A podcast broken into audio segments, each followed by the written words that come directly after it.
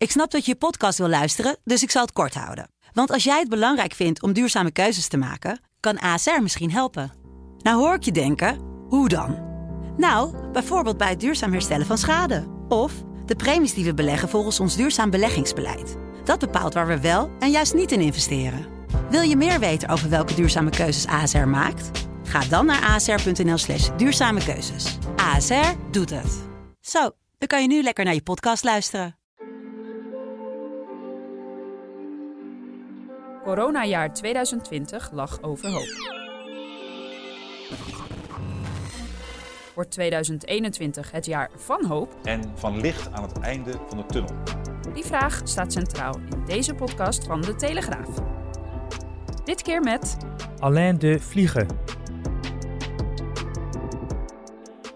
21 januari 2021. Mijn naam is Kamran Oela en in deze podcast blikken we dagelijks vooruit met een gast op 2021. Al onze gasten hebben een bijzonder jaar achter de rug of zitten nu in een speciale situatie.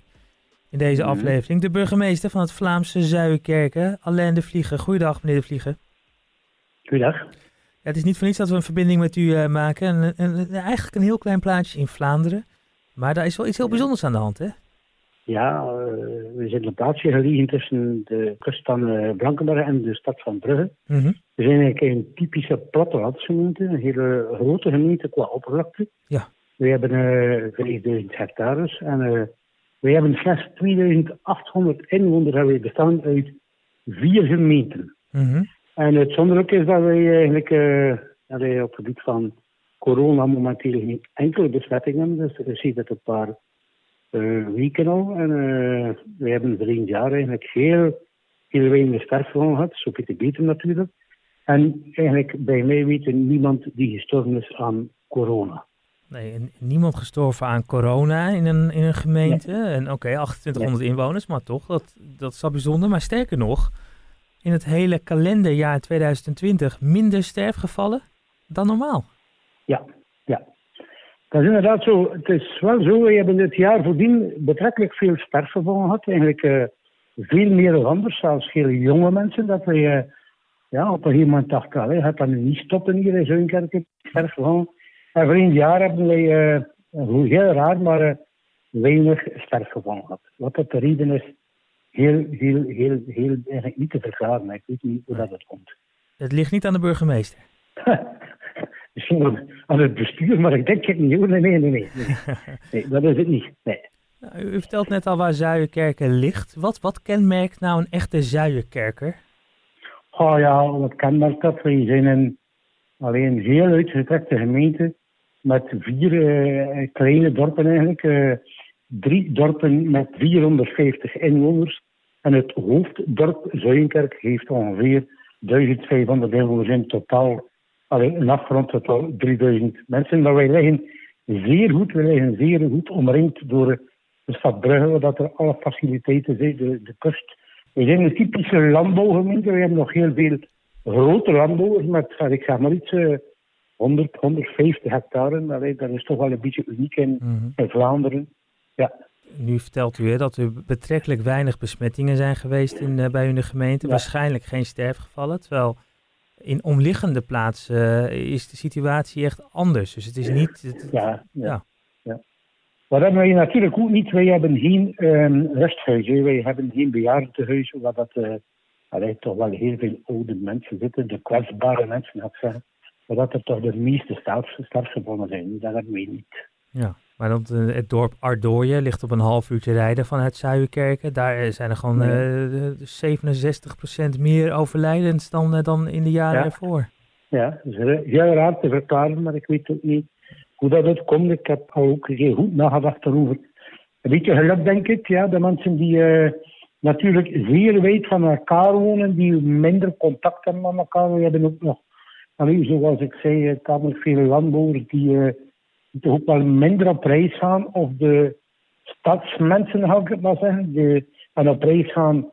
Dus dat had ik wel een, een van de corona. Mhm. Ja, dat is misschien ook een reden dat wij dat eigenlijk heel weinig hebben. En ook misschien ook wel dat de mensen heel goed opgepast hebben. Wij geven ook eh, via onze website heel goed de richtlijnen mee dat ze zouden moeten volgen. Allee, ik heb de indruk dat er toch heel veel mensen dat goed gedaan hebben. Ja, Ja. En toch wel, wel een portie geluk, denk ik.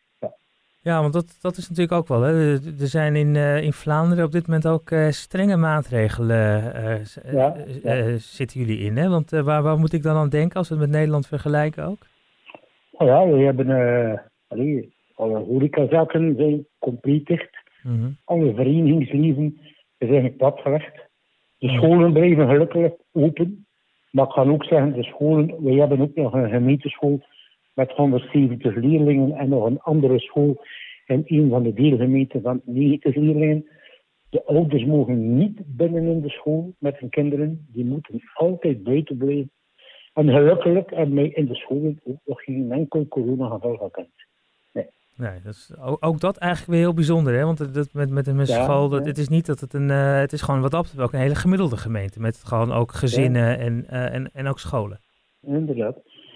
We hebben eh, weliswaar eh, ja, drie, eh, drie mensen gehad in ons gemeentehuis die, die corona hadden, maar die eigenlijk geen, geen verschijnselen hadden, die geen, dat het niet zichtbaar was dat ze corona hadden. Mhm. Maar allee, zeg, momenteel hebben we geen enkele besmetting meer. Ja, dat is natuurlijk wel de bedoeling om het zo te houden ook, hè? Ja, ja, ja, wij gaan, er, wij gaan dat proberen zo te houden, maar eh, allee, dat heb je niet altijd in de handen. hè. Nee, nee, daar heeft u weer gelijk in. Dat is zeker niet, eh, zeker niet in de hand om dat eh, voor elkaar Nee, te nee, boksen. nee, nee, nee, nee, nee, nee. Het Nee. maximum aantal besmetten dat we gehad hebben was op een gegeven moment 13. Maar dat is heel, heel kort geweest. Dat was een, alleen ongeveer altijd twee, drie besmettingen. Mhm. En nu de hele tijd geen besmettingen.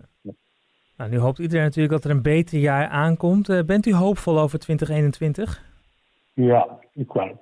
Ik hoop en ik denk ook dat die vaccin de, de oplossing bieden. En ik denk dat er toch wel heel veel mensen gaan die vaccin nemen. Want wij zijn ook een gemeente met ongeveer een derde, een derde van de mensen zijn meer dan 65 jaar. En ik heb ook al een keer geïnformeerd dat de mensen komen ook naar mij. Wanneer kunnen wij die vaccin krijgen? Wij willen dat zo rap mogelijk doen.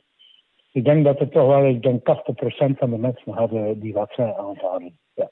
Nou, dat is natuurlijk wel echt eh, heel erg belangrijk. En, en hoe snel kan er al worden ingeënt bij u in de gemeente? nou ja, ze spreken dus van de 65-jarigen, plus 65-jarigen, beginnen in te enten vanaf eh, begin maart. En wij moeten naar Blankenbergen.